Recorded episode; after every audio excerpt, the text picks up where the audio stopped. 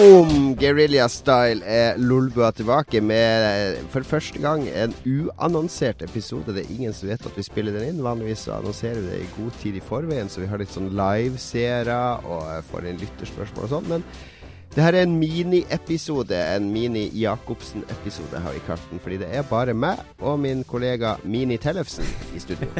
det er det. Hallo. Hallo, Magnus. Vi har ikke med oss Lars, og hvorfor er ikke Lars med?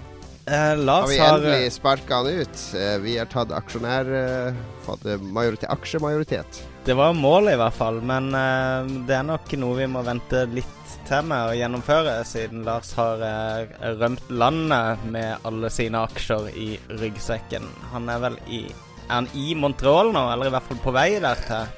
Han var vel i New York nettopp, så skulle ja. kjøre opp til Montreal, tror jeg, på en, en bilferie, som jeg liker å kalle det. Roadtrip er det alle insisterer på å kalle det. ja. Men eh, ja, han skal til Montreal og se på Formel 1. Og finne investorer til Lolbua, håper han jakter på det borte. I USA er jo investorenes land, har jeg hørt. Ja, og ikke minst på Formel 1-løp så er jo investorer et, og, og promotør Eller annonsører annonsør og sånne ting er jo lett å finne på en sånn arena, vil jeg tro. Ja, Kunne vi ikke hatt Bugatti 50 eller et eller annet sånt til å sponse Lolbua? Ja, jeg syns vi skal sikte ganske høyt med en gang. Kanskje gå rett for Königsegg. det kan vi godt. Lolbua sponsa av Königsegg. Vi kunne hatt en sånn Lolbua Forlange én bil hver, da. Ja. En bil hver, så er det greit. Med masse sånn Lolbua-skrift overalt. Så. Da må du ta ferdig lappen din, da. Da, ja, da holder det ikke bare med trafikalt grunnkurs. Da det, men da snakker vi insentiver her, hvis uh, på andre enden av lappen så venter det en Königsegg. Jeg tror ikke det er en bra bil å debutere med med en gang man har tatt lappen. Kanskje jeg kan kjøre opp med den? det, skulle, det, skulle, vært sånn som i dataspill, at når du tok lappen, så var du nødt til å kjøre i en sånn Lada. Du må levele opp. for nok XP i Lada, så kan du få en litt kraftigere motor, og så kraftigere motor. Så du må liksom nå høy nok rank før du har lov til å kjøre Ferrari og sånn. Men tror du ikke du hadde endt opp sånn cirka med at uh, de samme folka hadde hatt de samme bilene uansett? da? Antagelig. Antagelig. Eh, det er bare oss to, så da blir det en litt kort episode. Jeg, er litt, uh, har vært så, så, forkjølt, så jeg har ikke litt, slitt litt med stemme og, uh, og, hals. Og du har selvfølgelig eksamener, og vi ja. har begge quiz neste uke. Det har vi. Um, så vi har egentlig mer enn nok å gjøre. Ja, men det er alltid tid til litt uh, lolbua, føler jeg. Det, det var deilig avkobling, syns jeg. Jo, jeg er enig med det. Jeg er enig med det. Vi la ut uh, quiz-event i dag, og der, for en gangs skyld så var det jeg som lagde grafikk til det. Jeg må si jeg var veldig fornøyd med grafikken jeg lagde på vårt quiz-event denne gangen. Ja, det var, det var, imponerende. Jeg må si at uh, skillsene dine begynner å skremme meg. Snart så blir jeg pressa ut av quizen, og er ikke nødvendig lenger. Ingen sjanse, ingen sjanse. Jeg, jeg, plasserte deg til og med attmed hun som ligner mest på, på, din kjæreste. ja, det er bra. Så ikke så du skaper noe drama. ja, det skal, jeg vil ikke ha noe sjalusi hjemme hos deg, så det, det tok jeg hensyn til. Sånne, ja. sånne hensyn. Photoshop-hensyn. Ja da, det er viktig å photoshoppe for husfreden. Det setter vi pris på. Absolutt. Har det skjedd noe spennende siden sist du har lyst til å dele? Jeg hadde eksamen i dag faktisk. Det var mm. ganske spennende. Det var den verste eksamen i år som jeg har eh, jobba helt dustete mye for bare de siste ti dagene fordi at jeg er en slask.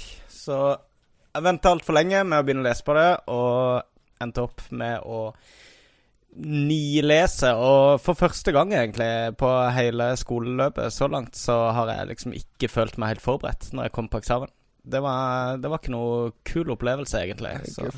Guffen, følelse, det. Ja, det er vant. Litt som å gå på blind date, der du ikke har sett uh, bilde av henne engang før du skal møte Ja, riktig. det er akkurat det det er.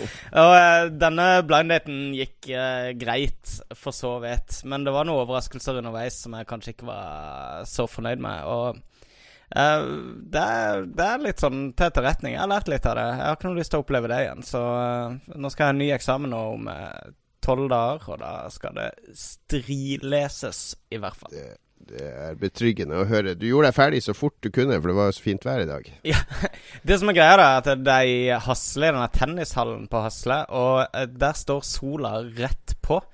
Og de skrur av ventilasjonsanlegget for ikke å bråke sånn for studentene. Så Eh, du har mange tusen studenter som er i en stor hall, og eh, sola står rett på taket, så det blir veldig, veldig varmt der inne etter hvert. Og i fjor så føltes det i hvert fall som det var opp mot 30 grader.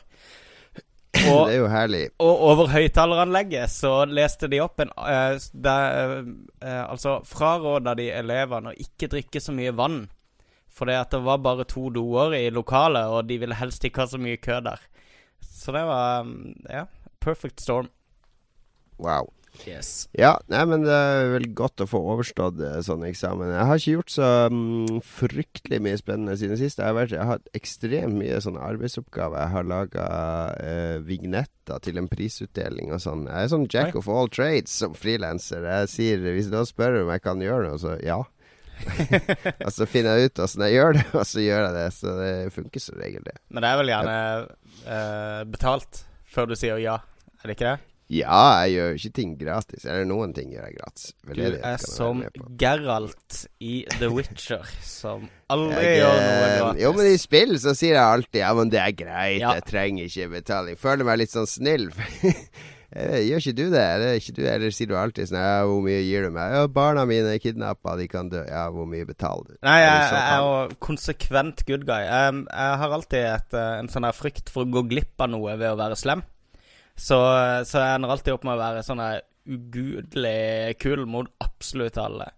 Jeg mente jeg leste et sted at de lager Når de utformer plottet, så er det liksom De lager den der gode arken først. Ja. Eh, på en måte. Ja, altså så blir den der onde Den er ikke så kul å lage. Så den gode er liksom ofte den beste arken, da, sånn storymessig. Men jeg, jeg husker jeg spilte Det eh, første spillet jeg liksom prøvde den badass-versjonen uh, i, var Nights of the Old Republic, tror jeg.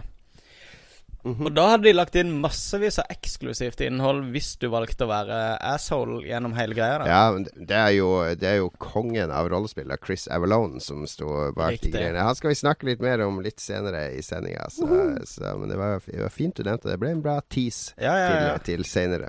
Men jeg har gjort én ting. Jeg har vært på kino på, på den der uh, Sinte Mats, som den norske tittelen burde være. Sinte Mats, uh, Raseriveien. Ja. Gale Mats. og eh, den var, eh, den var knallbra. Den likte jeg veldig, veldig godt. Ja. Eh, det er sånn, sånn det er sånn trailer som er en, blitt en hel film, da, for det er liksom action non stop. Ja, riktig. Og vanligvis blir jeg litt sånn sliten av eh, hvis det er for mye action, men her var det så fokusert. Altså, det var så lett å få med seg action. Det var ikke så Det var ikke sånn shaky cam-sliten. Det var hurtigklipping og sånn. Men så så jeg etterpå en sånn uh, forklaring på hvorfor den action funka så bra. Det er fordi at, at uh, det, det, som skjer, er alltid i sentrum av kameraet uansett. Altså Selv om man klipper fra én ting til en annen, så du, du, du, slipper å flytte øynene dine. Du må aldri se at nå skjer det noe der, og nå skjer det noe på høyresida, nå skjer det noe på venstre. Alt, Fokuset er alltid i sentrum av kameraet. Så du kan så, sitte helt forrest på kino og se på? Ja, vi og... satt jo på, på, rad to, jeg og, og min venn Tore. Så, ja. så, det var null problem, og vi ble jo sugd inn i den filmen. Men den var, den var virkelig, virkelig kul. Og jeg tror jeg skylder på Mad Max for at jeg ble litt sånn undervelda av uh, Fallout 4-traileren. Og det skal vi snakke om uh, rett etter musikk.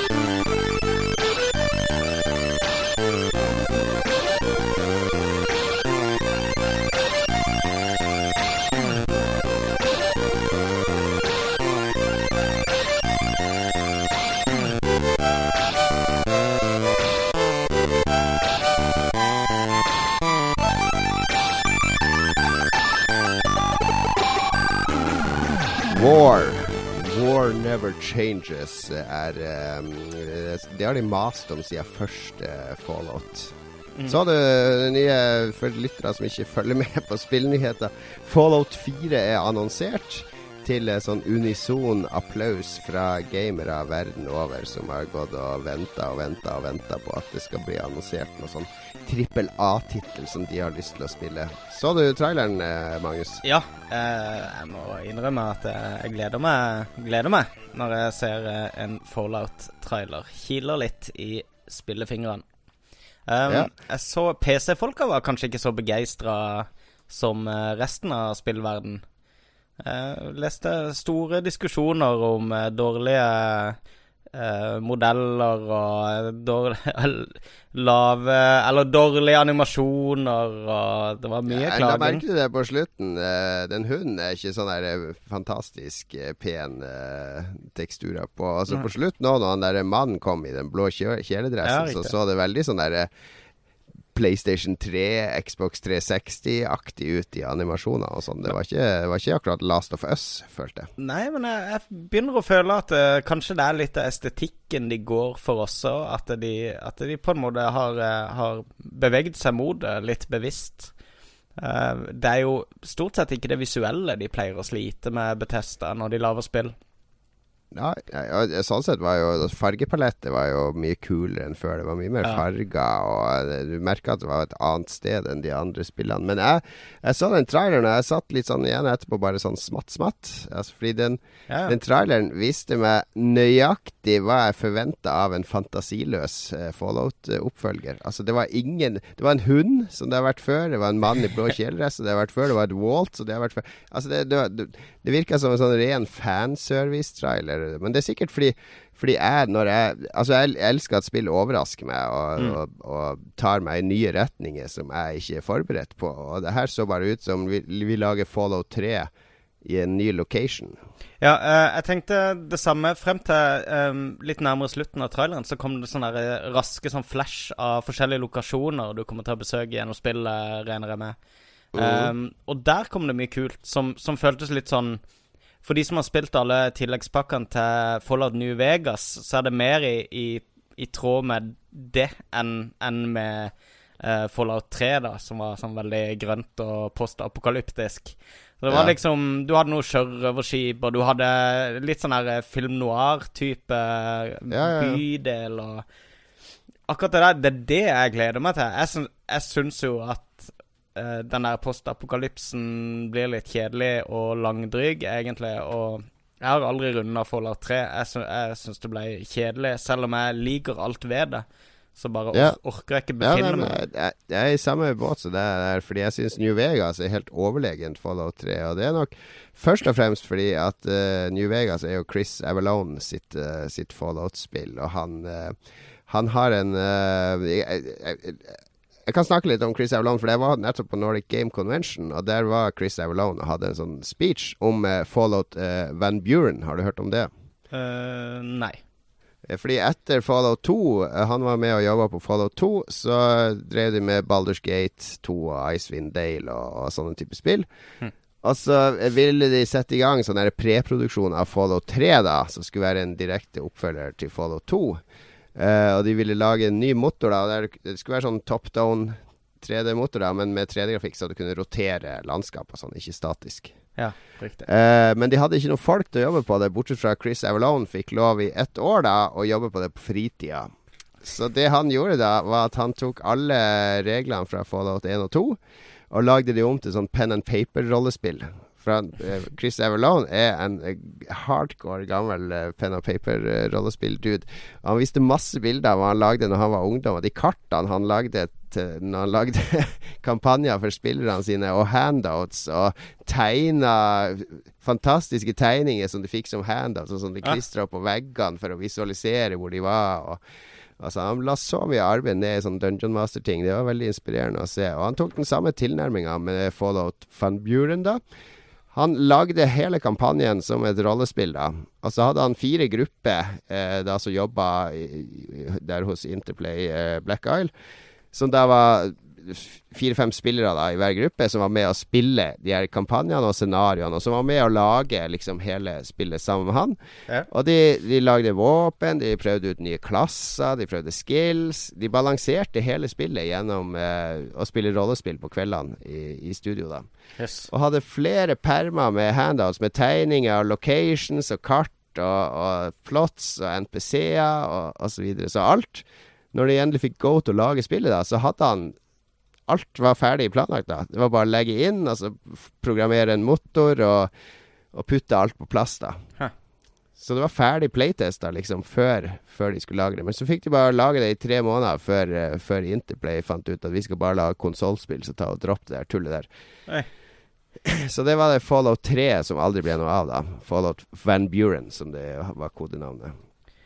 Og, det, og når jeg så den Fallout 4-traileren, så tenkte jeg Jeg hadde jo bakhodet hele den Van Buren-greia, fordi mye av det som Eller noe av det som var lagd i Van Buren, det dukka opp i New Vegas. Han brukte flere av locations, også den der eh, demninga. Og, og et par andre steder. Ja. Det, det er henta rett fra det han lagde i Van Buren. Så, så For jeg, jeg er den oppfatninga at New Vegas er mye kulere enn Fallout 3, og jeg tror Fallout 4 blir et sånn eh, nok sånn Betesta-spill der story og alt det der ikke er noe kult. Det er settinga og det å gå rundt i Skyrim er veldig kult, men hva er, hva er historien i Skyrim? Er det noen som har fått med seg det? Uh, nei, er det ikke noen folk som blir skutt i knærne og noe greier med piler og noe sånt? Uh, yeah. Nei, jeg, jeg er jo Jeg er jo helt enig. Jeg er ikke noen stor fan av Betesta sin spill i det hele tatt, og jeg tror nok at eh, eh, mye av det som jeg kicka på med Vegas, var at det var mye friskere. Det, det skrevet mye kulere også, og mye mer interessante karakterer. og Mm. og pluss at det er bare From the get-go så er det bare en, en variert verden du befinner deg i. Og det var så utrolig forfriskende etter den grønne ørkenen i, i 200 timer i Fallout 3. Ja, helt klart. Så jeg, jeg håper i hvert fall at uh, Altså, jeg, jeg skjønner at dette er et Betesta-spill, og at uh, dette er de som lager det, men jeg håper de har i hvert fall latt seg inspirere av um, suksessen uh, med New Vegas, og kanskje de stjeler litt ideer.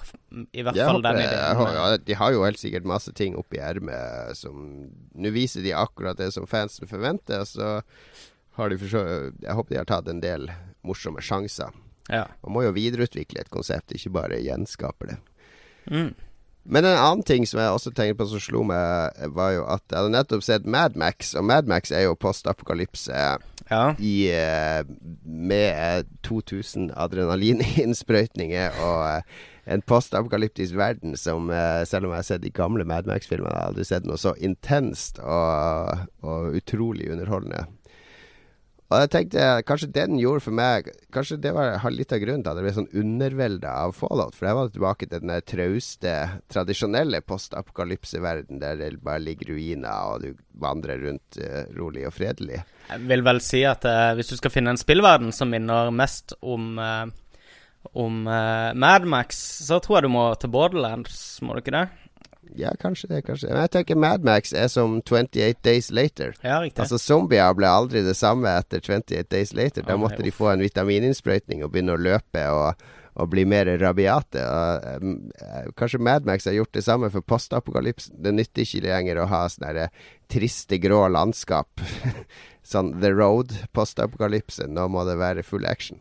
Det passer meg helt fint. Jeg, jeg føler alltid de store trendene, i, i hvert fall i spill og sånn. Det, det, det lander alltid på sånne sjangre som jeg ser på som litt sånn eh, palettplatte, da, som type sånn her postapokalypse og zombier og Det er litt sånn, litt sånn trauste sjangre som, eh, som gjerne eh, på en måte briljerer når de ikke er varierte og farverike. Så jeg, jeg er bare glad for det, om at de oppdaterer litt på akkurat på postapokalypsefronten. Vi får se hva det blir da av Fallout 4. Vi får se. Vi gleder oss jo strengt tatt begge to. Men Ja. uh, vi er gamle og blaserte, og uh, vi gleder oss ikke som barn på julaften. Nei, men jeg, Som voksne på julaften. Har du prøvd å være eh, forelder på julaften? Det, er- det er ikke mye å glede seg Jeg gleder meg til alle gavene åpner, så at jeg kan drikke konjakk og gå og legge meg. Ja, riktig, men vi har en sånn familie med bare voksne nå. Det er ingen barn i familien vår, så det, vi har veldig rare julaftener. Uh, ja, da er du forskåna for neste, neste fase. Ja, det har jeg skjønt.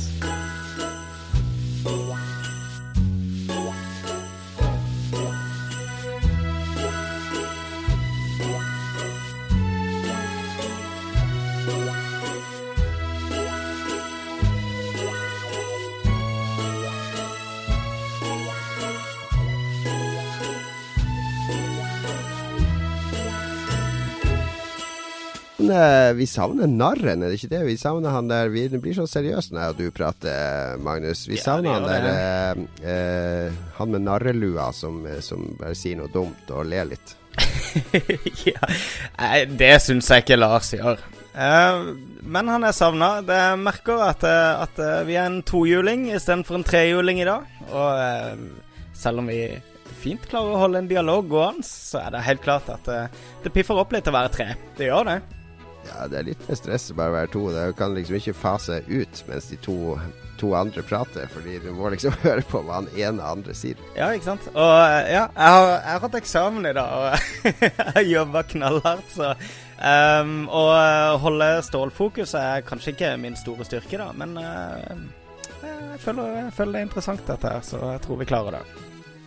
OK, OK. Vi kan ta et uh, Vi har ikke noen sånne store tema i dag. Vi, snakker, vi tenkte vi skulle snakke litt om Fallout. Og så tenker jeg vi kan snakke litt om en sånn uh, debatt på, uh, på, Twitter i dag. og det har vært i flere nettsider om um, hvite folk i fantasy, og der Witcher 3 brukes som et eksempel på spill som kan ha vise større bredde i, i, i Altså, det er jo bare hvite folk i Witcher 3, har jeg skjønt.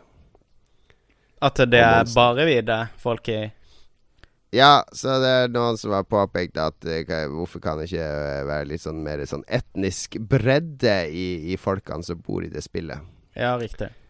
Altså, Da blir det jo selvfølgelig debatt, for da, da tenner du alle luntene til uh, gamergatere ja. og uh, andre kulturkonservative osv. Så, videre. så jeg har fulgt litt med i dag. Jeg vet ikke helt hva, hva jeg syns om, om, det her. Syns du eh, Vi er jo hvite begge to, da, så her ligger jo litt av problemet. At vi er vant til å være representert i mange spill. Ja, og Men er, det er det er ikke et veldig enkelt svar på det. Altså, Noe handler om å, liksom, å sette, sette, en standard, og, men på den andre sida så handler det om dette her med en kreativ visjon som ikke nødvendigvis alltid skal inneholde sånn standardelementer for å kunne slippe gjennom det. Og, uh, men jeg vet ikke hvor hensiktsmessig det er at alle er hvite i, i, The Witcher. Men det meste skjer jo i samme landområde.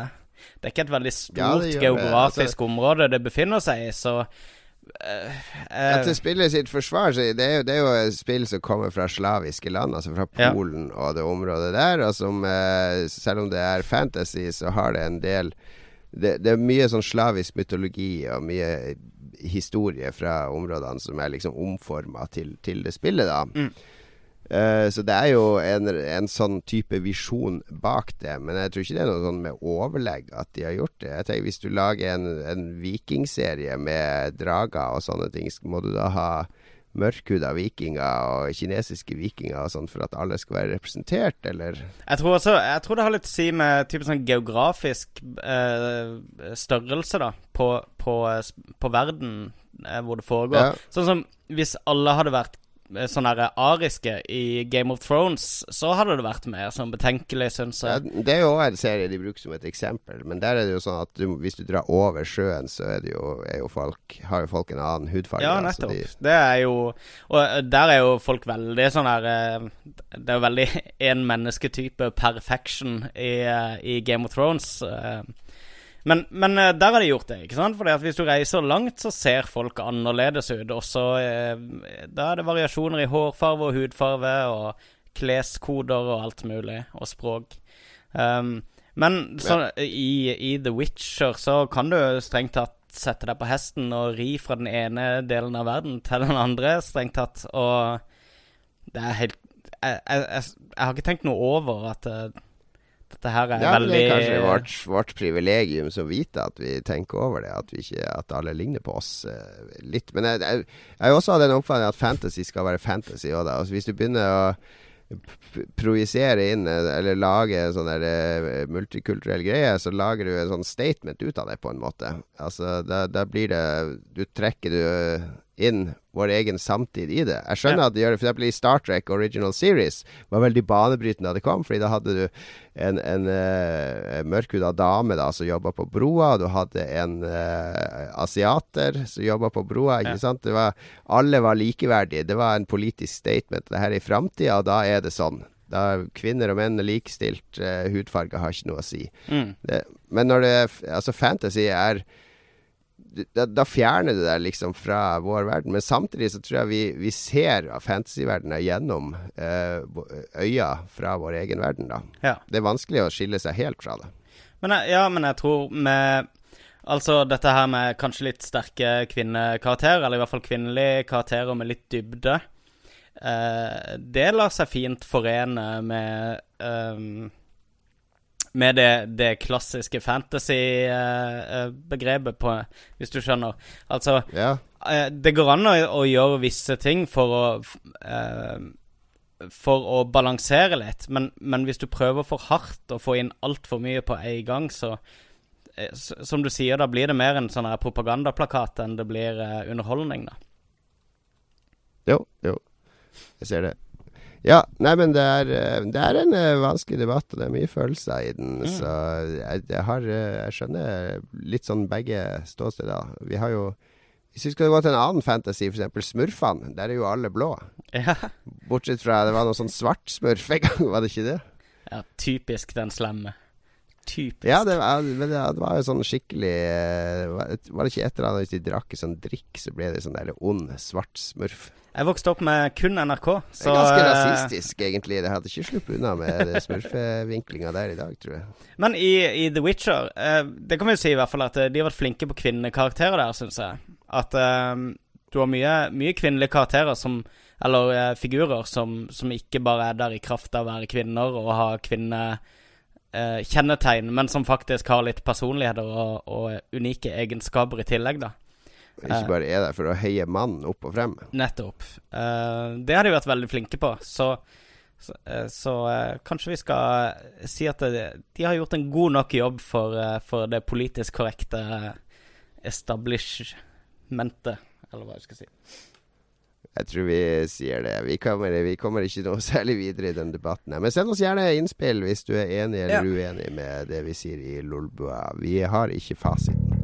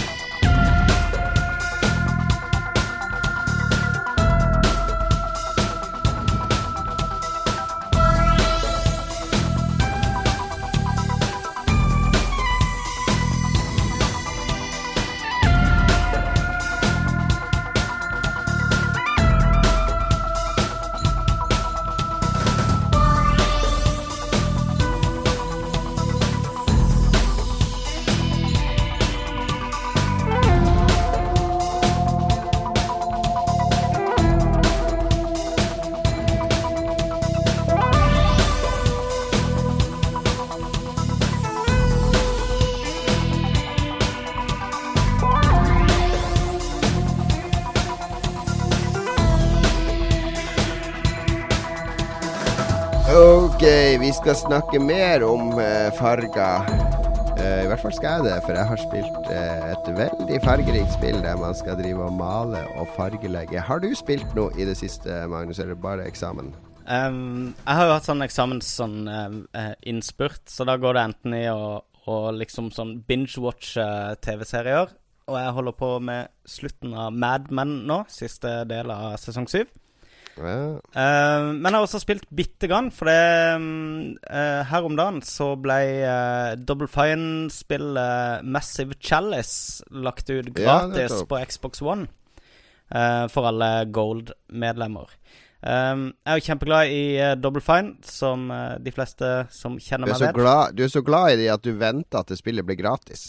Jeg var faktisk så, ikke klar over Så stor er din kjærlighet for Double Fine at nei, jeg får ikke noe penger hos meg. Jeg kan vente til det blir gratis. Jeg var faktisk inne da det spillet uh, Da det ble pitcha opprinnelig i, som en del av dette her eh, De har jo et sånn her pitchekonsept ja, ja, ja, som heter Amnesia Fortnite. Uh, hvor ansatte i Double Fine får lov til å slå seg sammen i små grupper og komme opp med spilleideer og lage demoer eller pitcher for det, som de presenterer på nett. Så stemmer folk på hva de har lyst til å se. Og så realiserer uh, studioet noen av ideene i de kommende årene. Og mm. Massive Chalice er et av de. Det som er veldig kult med det, er at uh, det er et typisk strategisk turbasert strat strategispill i uh, Veldig i XCOM-ånden. Som uh, ikke er helt feil for min del. Jeg er jo veldig, veldig glad i XCOM. Mm. Um, I tillegg så har de lagt inn en ganske fet feature hvor uh, du bygger opp helter som har visse egenskaper. Og når personer med visse egenskaper får barn med hverandre, så overføres en del av egenskapene videre til neste generasjon. Da. Så det Eh, figurene i spillet blir gamle og dør, og du eh, fortsetter å ta deg av de kommende eh, slektene. Eller du, for, du, følger slekta videre gjennom spillet. Jeg har ikke fått så mange timer med det ennå, men det er konseptet. Det er en veldig god idé. Så du skal ja. følge ei sånn her slektslinje, da, og, og eh, påvirke eh, de eh, nedarva egenskapene ved å dyrke frem riktige helter underveis. Men ja, en, uh, men konseptet er bra, men gjennomføringa høres ut som ikke er så bra, kanskje. Uh, jeg har ikke kommet langt nok i gang med det. Jeg synes, um, jeg har bare spilt noen timer, men jeg, jeg syns det føles fremdeles som et litt sånn her beta-konsept. Det er sånn, ja. Her mangler det egentlig sånn Hvorfor er det ikke en filmsekvens som forklarer dette? Og, ikke sant? Sånne, var ikke dette litt sånn Jeg har inntrykk av at filmsekvenser er veldig ute i spill nå. Jo, men jeg mener ikke filmsekvenser i den for... Men uh, mer bare at, uh, at, det virker som det er litt sånn her uh, placeholder artwork overalt. Der jeg føler ah, ja. sånn her, her, kommer det noe kult. Her kommer det noe flashy. Men foreløpig så er det bare en sånn her statisk klump som står der. Og, og sånne, sånne, følelser har jeg hatt ganske mye gjennom de første timene. Men mm. uh, det er gratis, og uh, det er veldig kult skrevet, og uh, høyt potensial for underholdning på sikt, i hvert fall. Så jeg anbefaler i hvert fall folk å laste det ned. Hva det het Mighty Chalice? Massive Chalice. Massive Chalice. Det er høres grovt ut. Bare for de som tenker som deg, Jon.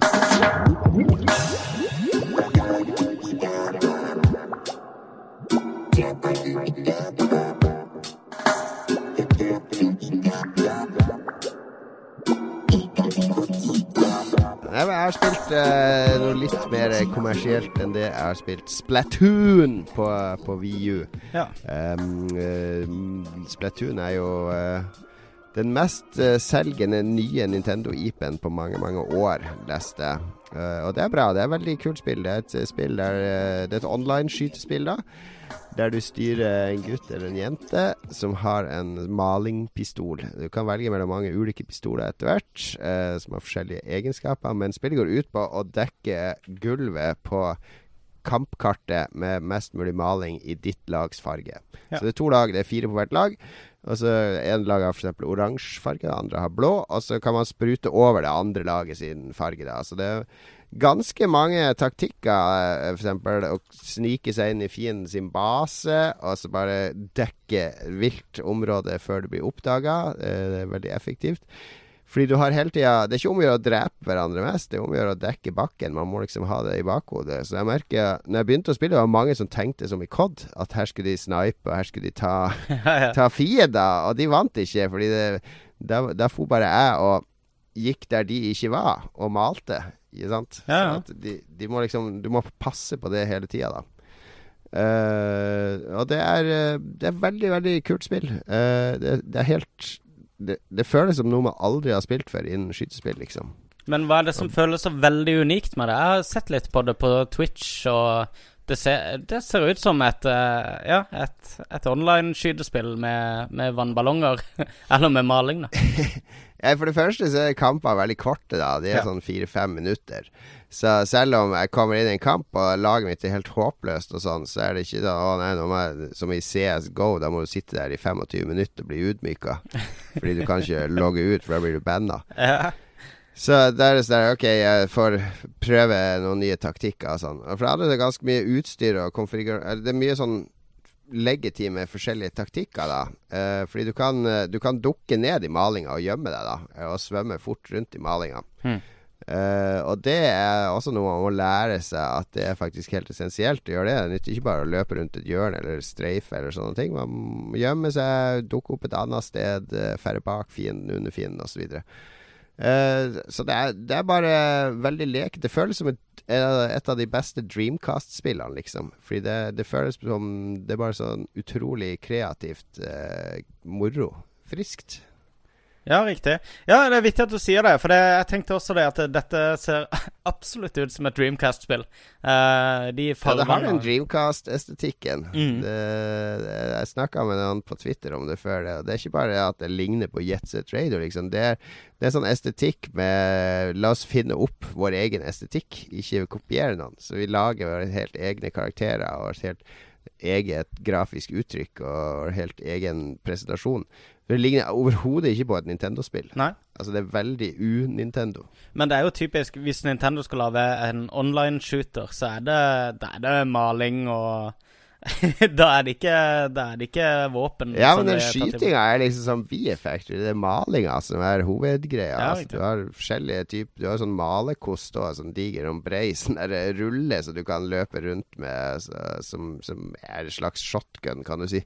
For denne funker bare på nært hold mot fiender. Ja. Så, så, så, du har uh, Nei, det er, det er, veldig veldig kult. Og det er veldig kul singleplayer òg i det spillet, for det er sånn oppdragsbasert. Der du skal, det er liksom plattformskytespill da med, med 20 forskjellige brett. Hm. Og bosser og sånn. Og der skinner spillet virkelig. Jeg skulle virkelig ønske at det var mye mer singleplayer-ting å gjøre der, fordi det er utrolig morsomt. Um, um, jeg så litt eh, Jeg tror det var Kotaku som hadde en sånn lang video. De hadde vært og testa det eh, i forkant før det ble lansert. Og de var helt sånn i, i hundre på Ja, dette er det kuleste på lenge, lenge, lenge. Og jeg ble sittende og se på noen sitte og spille det, og jeg følte Det ser kanskje gøy ut å spille på en sånn her eh, Hvis du drar på en lanseringsfest eller et eller annet sånt, så er det typisk sånn du blir stående og spille sammen med kompiser i, i en time. Men det så ikke ut som et spillkonsept som var gøy over tid, men det, det er det, altså. Ja, jeg syns det. Det er, det er morsomt. Eh, jeg, spiller, spilte nå eh, ja, nesten hver kveld. En halvtime. Ikke mer enn det, liksom. Bare ta et par kamper og prøve noen nye våpen. Og, ja, riktig. Uh, det er veldig avslappende skytespill, også fordi de kampene er så korte og intense at uh, det, det, er liksom det er ikke sånn massiv investering som når du spiller Call of Duty eller andre online-spill. Uh, er det eldrevennlig, vil du si det? For sånne som ja, oss? jo, til en viss grad. Det har litt sånn der Du må venne deg til styringa, for de styrer jo med den store paden. Og du styrer siktet til høyre og venstre med høyre, høyrespaken, men ja. du vipper litt paden opp og ned for å vippe siktet opp og ned. da. Det blir ganske intuitivt etter hvert. Så Det er en ganske deilig måte å styre på. Hm. Så nei, men de har gjort, uh, gjort, alt riktig, da. Jeg tror jeg håper at det selger bra, at uh, det blir en suksess. Og så er det jo Det er online òg, da, så det endrer. Det har allerede kommet tillegg og nye baner og et nytt våpen og, og sånne ting. Så, så det, det virker som det utvikler seg litt sånn dynamisk. Så kult.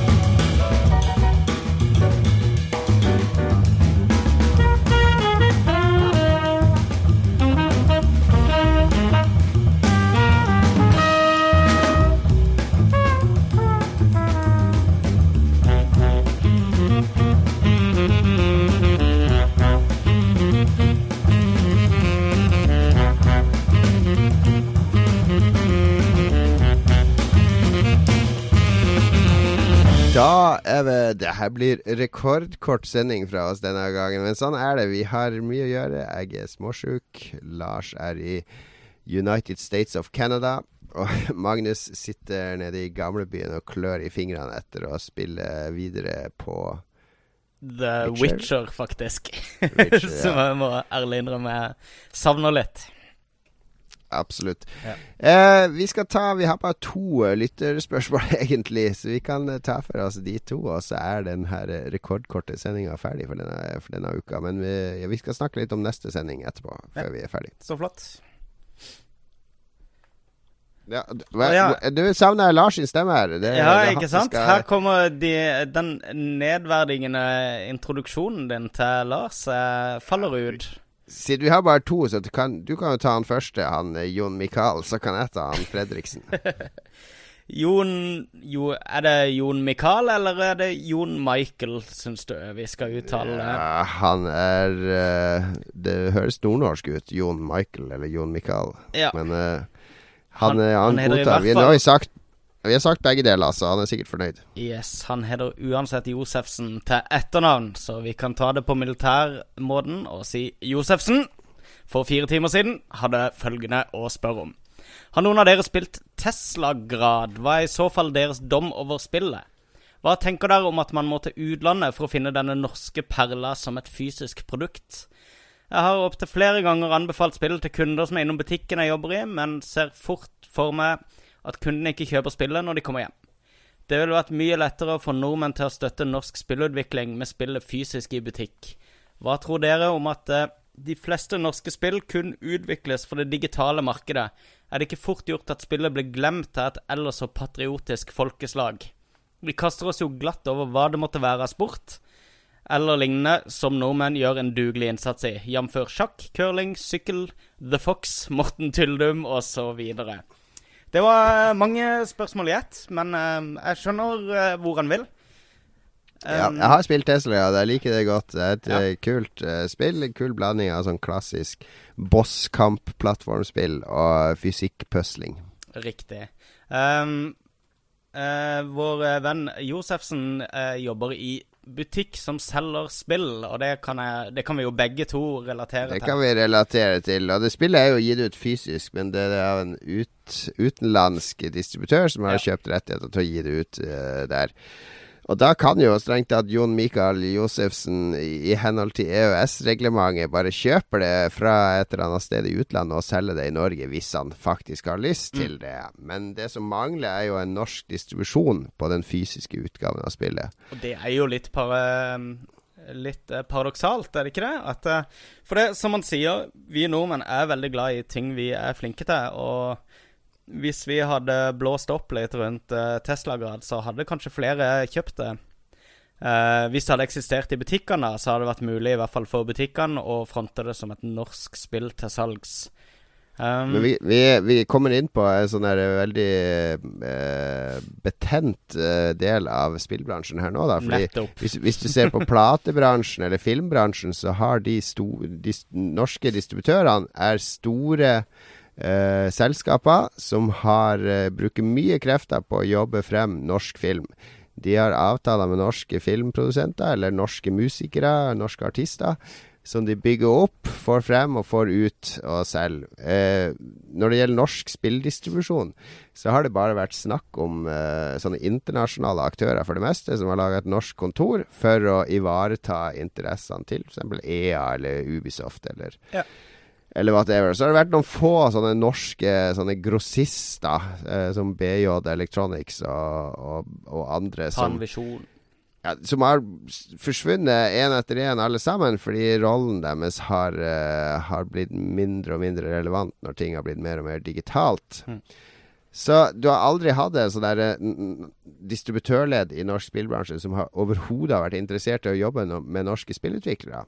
Det har vært et sånn vakuum mellom de, og det er vi som har vært på gullstikka i alle år, vi merka jo det at det var sånn enormt sprik mellom hva Gullstikka-arrangøren, som jo var distributørene, var interessert i, nemlig å promotere sine utenlandske produkter, versus den store veksten i norsk spillbransje, som ikke fikk være med fordi de norske distributørene hadde ikke peiling på hvordan de skulle omfavne og de skulle tjene penger på med de her norske spillene. Ja, riktig.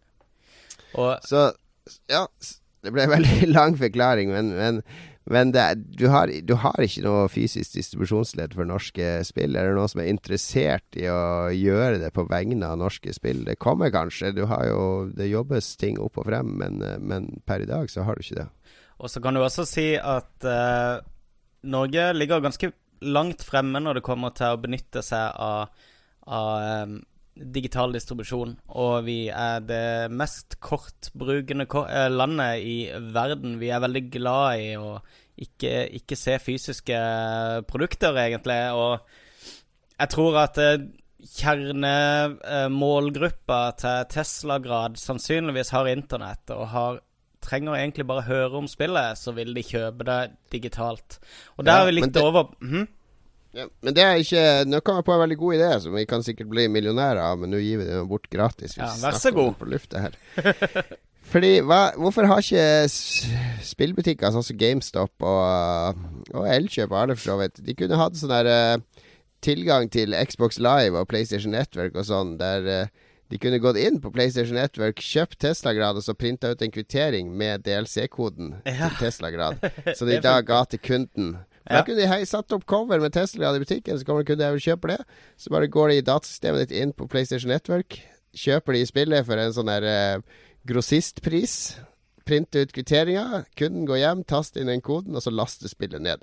Ja, det hadde sikkert funka. Og det hadde helt... funka så bra! Herregud. Og bare at du går til utvikleren direkte og kjøper nedlastingskoder, det tror jeg vil la seier. Akkurat som de har eh, promokoder. Ja, fordi det er, det er, jo folk som eh, Det er jo nok av folk som ikke skjønner at det er en butikk på PlayStation. Altså, de har den kobla på nett og sånn, men de vil ikke legge inn kredittkort, kanskje, eller et eller annet. De, de, de, selger jo Minecraft, f.eks., ja. eh, som hakka møkk til PS4 og Xbox One over disk. Fordi foreldra kjøper den, det coveret som står i butikken til ungene, selv om innholdet bare er kode. Det er sant. Men hvis du skal eh, ta, bruk størrelsen på spilleavdelingene i de forskjellige butikkene uh, den siste tida uh, som en liten pekepinn, da, så, så, krymper det fysiske spillsalget drastisk for tida. du ser Pladekompaniet har, har redusert fysiske spill til bare et lite parentes, og Elkjøp Eh, de fleste Elkjøp-butikkene jeg har vært i, har eh, plutselig så, så er spilleavdelingene bare en vits, egentlig. Det er sånn triste, grå eh, avdelinger hvor kun du, du, ser hvilke distributører de har sånne avtaler med om at uh, her må de stille ut våre spill fordi vi betaler hyllene de står i, eller whatever. Um, mm. Det er veldig lite å hente der. Og altså, etter at uh, vi gikk videre til denne generasjonen med konsoller, så har jeg Jeg begynner vel å nærme 60 spill på Xbox One. For det at uh, Og uh, siden jeg bygde ut PC-en min, så har jeg grisestorhandla spill på Steam og uh, Good Old Games. Ja, ja, fysisk er jeg helt utelukka å kjøpe lenger. Altså, jeg får tilsendt fysisk, men det er så mye ork når jeg skal sette de på. Ja, at, ja. at jeg velger noe som er installert på harddisken i stedet, hvis jeg bare skal spille for moro skyld. Ja, hvis jeg sitter i sofaen min, og jeg ser Og jeg sitter da to meter, tre meter fra konsollen min, så ser jeg bort på hylla der spillet jeg har lyst til å spille, befinner seg. Da velger jeg likevel å heller spille noe jeg har installert på harddisken. Det er nivået vi er på nå. Akkurat som jeg syns når jeg har Xboxen, hvis fjernkontrollen ligger to meter unna, så snakker jeg til Xboxen min. ja, det får vi aldri høre på Lolbua, det litt synd. Men takk til Jon Mikael Josefsen, for ja. vi trenger ikke mer enn to spørsmål når vi får sånne gode spørsmål. Nei, det setter vi pris på. Vi har ett spørsmål igjen, og det er fra han Fredriksen. Jeg vet ikke om det er han som har en fabrikk, men uh, han heter i hvert fall Fredriksen. Den var så gammel referanse, er ingen under, ingen under 30 som tok den.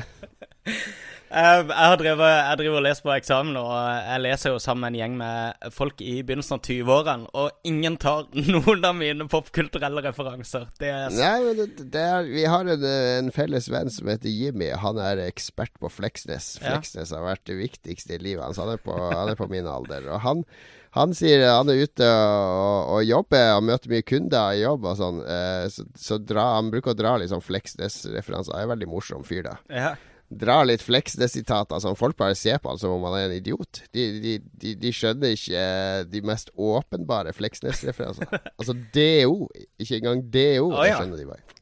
Det er jo det, Da jeg var, eh, nå Tidligere i dag, når jeg var ferdig med eksamen, så dro jeg sammen et par av de i klassen. og... Eh, for å sammenligne oppgaver og se litt hvor vi lå an, da, så gikk vi og tok en øl på uh, Oslo Mekaniske Verksted, utestedet der, mhm. som også er Oslo Åpne Teater. Og da fortalte jeg de at uh, her var jeg faktisk på mitt aller første lanseringsparty i, i spillbransjen, da. I 2001, da vi jobba i Akersmik. Um, på Oslo Åpne Teater? Var det sånn EA-greier? Nei, det var lanseringsfesten til Anarchy Online. Å oh, ja, ja, det husker jeg. Husker du det? Og så hadde de, de hadde masse skuespillere i kostymer som løp rundt og, og skjøt på hverandre sånn piu, piu. Uh, og det var kamper overalt. Og jeg drev og fortalte om det, da. Det var skikkelig vittig i 2001 og sånn. Og da sa han ene sånn Da var jeg ni. ja, nei, sånn er det. Men Fredriksen, i hvert fall, yes. han uh, sier til oss Hei, tipp topp podkast. Takk for det. Tusen takk. Hva tenker tenker dere om at det blir flere og flere early alpha på Steam? Det har vi egentlig diskutert litt før. Eh, det er litt sånn toegga sverd, akkurat det der. Mm. Den ene delen med at eh, flere og flere begynner å selge uferdige spill som de kanskje plutselig ikke har så dårlig tid med å fullføre, fordi de pengene begynner å rulle inn. Um, på den andre sida så får du muligheten til å begynne å spille spill ganske tidlig, og og bestemmer deg for en billigere penge. Bestemmer deg for om dette er noe du har lyst til å fortsette med. Ja, altså det er jo jeg har, jeg har, kjøpt et par sånne Early Access-spill som jeg er veldig fornøyd med, um, f.eks. Uh, men det, det, er ofte sånne spill til 40-50-60 kroner. Ja. Altså, hvis jeg ser det sånn Early Access-spill der vi skal lage verdens største online-spill, vi skal putte inn helikoptre og zombier og så skjønner jeg det, det kommer aldri til å bli ferdig, altså hvis Nei. det blir så ambisiøst. Men jeg har kjøpt mange sånne eh, fokuserte, korte singleplayer-opplevelser som er i Early Access. Uh, Mini-metro, f.eks., der du sitter og leker deg med sånn T-banekart i Oslo. Virker det som Du bygger stasjoner på en sånn T-banekart, ikke i virkeligheten. Uh, veldig terapeutisk og, og morsomt. Så jeg kjøper flere Jeg kjøper de hvis det er billige og fokuserte og småspill, da syns jeg det er litt kult. Uh, så det er flere jeg har kjøpt der. Men, men hvis det høres for ambisiøst ut, og det er for dyrt, så tenker jeg at da, da, burde de nok Hvis de ikke har klart å selge det til en publisher, så, ja. så, klarer dere ikke å gjøre det ferdig der heller. Jeg har en sånn ting med at uh, hvis det spillet jeg, jeg merker at sånn, dette er et spill jeg har lyst til å bruke 50 timer på, og dette spillet forteller en historie som begynner mm. når du starter spillet, og slutter når, uh, når, du er ferdig med det, så tenker jeg skal jeg gå gjennom denne sannsynligvis ypperlige historien med masse sånn placeholder-art rundt omkring og massevis av bugs jeg irriterer meg over og sånne ting, eller skal jeg vente til dette er et ferdig spill, og kanskje heller eh, ja, det, det, det, det, er ofte morsomt å prøve de først, og så ja. kan jeg ta den avgjørelsen etterpå. For eksempel et som jeg gleder meg til å prøve nå, som jeg kjøpte i dag. Det heter eh, TIS 100. TIS 100 heter det. Tessellated Intelligence System står det for. Det er fra samme fyr som lagde Space eh, Chem, som er fantastisk kult. Hmm. Og TIS 100 det er et, um, et spill der du skal programmere, basically. Det er bare tekst i spillet, og det er masse skjermer. og det, og det første spillet ber deg om å gjøre, det er å printe ut en sånn der eh, programmeringsmanual for det fiktive programmeringsspråket i spillet. At jeg har fått masse tomler opp på Early Access-revyene av folk som Jeg kan egentlig ikke programmere, men det her er sånn Det er sånn logisk gåteløsning. Eh, det er ren logikk, ikke sant. Og så er det masse programmerere også som gir det tommelen opp. Så det, det her er det er fantasy, men det er ganske nært jobben min. Og jeg skjønner ikke hvorfor jeg gidder å sitte og spille det her på kveld når jeg gjør det hele dagen i jobben min, men det er et eller annet som griper til. Så jeg ble veldig nysgjerrig på hvorfor det funka. Jonathan Blow driver og raver om det spillet, osv., og, og, og Markus Persson. Så, så, så det, det, er sånn typisk Early Access-spill som jeg kan tenke meg å prøve. Det er veldig fokusert, enkelt, eh, ser morsomt og originalt ut. Det minner meg faktisk om et annet spill jeg har spilt siden sist. Det har jeg helt glemt. Det er også et Double Fine-spill, da, eh, hvis du orker å høre om det. Um, ja, jeg orker. Jeg vet ikke hva lytterne orker. Ja, men da, da, får de bare spole. For det heter nemlig Hack and Slash, og uh, det er også et, uh, et Hva skal vi si? Ja, kjenner jeg. Et Zelda-hekkespill Hvor du eh, som en slags sånn eh, Link-type helt eh, plukker opp et sverd som knekker og viser seg å være en sånn USB-stikk. da Så overalt i spillverden så bruker du denne USB-stikken eller det sverdet til å interagere med eh, fiender du støter på. Og da får du tilgang på, på, på en måte koden som styrer det. Uh, og alt ja, ja. er skrevet på sånn kodespråk, så du, du, kan, du kan, velge uh, hvor mange hjerter de skal slippe når de dør, f.eks. Du kan velge om de er gode eller onde. Du kan uh, velge Du kan reprogrammere fiendene, på en måte. Riktig. Så du omprogrammerer verden du befinner deg i hele tida. Og det er hysterisk morsomt skrevet. Um, jeg kjøpte det som sånn Early Access-greie, men jeg bestemte meg veldig raskt for at uh, dette her er noe jeg har lyst til å spille betraktelig mer. Og uh, nå er det klart, og mm. veldig billig, mener jeg å huske. Det anbefaler jeg folk å, å ta en uh, titt på. Hack and slash fra Double Fine.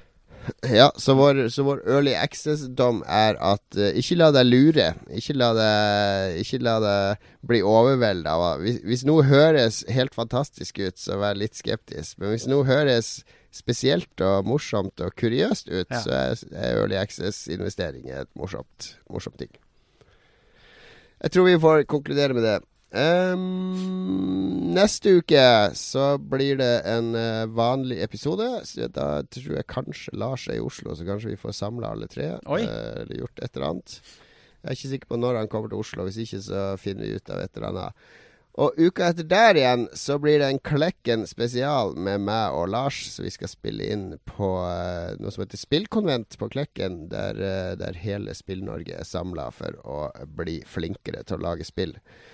Uh, det kommer nok til å minne litt om vår Hva heter det? NME Gameplay. NME Gameplay-spesialen vår. Så de som vi helst vil at vi bare skal prate skit. De kan kanskje hoppe over den episoden, mens de som syns det er litt spennende at vi prater med Spill-Norge, de kan glede seg til den episoden. For der skal det enorme vakuumet jeg etterlater meg ved ikke å være til stede, fylles med en haug med utviklere som dukker opp på konventet. Det gleder jeg meg sjøl til å høre på, i hvert fall. Jeg har allerede møtt en på Nordic Games som skulle dit, som har vært uh, vokalist i et Pantera-coverband, som lovte å dra noen Pantera-strofer for oss uh, i podkasten. Så det, det, blir garantert bra. Det blir herlig. Da får du grave frem i de mest obskure referansene. Din hipster, som jeg vet at du kommer til å gjøre. Pantera-hipster. Det går ikke an å være Pantera-hipster. Jo, jo, du kan gå tilbake til den glamdagen de hadde i begynnelsen, der uh, før Det er en uh, internett uh, En fraud at de hadde sånn glam i det. Sånn forsøk på å svartmale bandet, har jeg funnet ut. Uh, nei, det var det absolutt ikke. Men det, ja, det, var ikke så dårlig, selv om det var ganske kleint. Ja, ja, ja. ja, ja. Yes. Vi, vi, tilgir Dimebag Daryl alt. som kalte seg Diamond Daryl på den første plata. Yeah, det bør sies. Skifta navn til Dimebag når han begynte å røyke weed. Um, ja, Klekken blir en knallsending. Det gleder jeg meg til å høre på der jeg uh -huh. sitter kvelden før jeg skal ha eksamen. Det, det kommer til å motivere deg i eksamenslesninga, tenker jeg. Det er jeg sikker på at det gjør. Uh, ja, vi er ferdige for i dag. Det ble en kort sending. Ja. Kort og søtt, men det er jo fint vær nå. Så uh, om du har gått ut og nytt finværet med oss, så takk for det. Om du har sittet inne og hørt på oss, takk for det. Vi høres igjen om en uke. Da har vi forhåpentligvis Lars med oss inntil da. Ta godt vare på deg sjøl, og spill masse kule nye spill. Og bare kjøp lure ting på Early Access. Ha det bra! ha det! Har du et enkeltpersonforetak eller en liten bedrift? Da er du sikkert lei av å høre meg snakke om hvor enkelt det er med kvitteringer og bilag i fiken, så vi eh, gir oss her, vi. Fordi vi liker enkelt. Fiken superenkelt regnskap.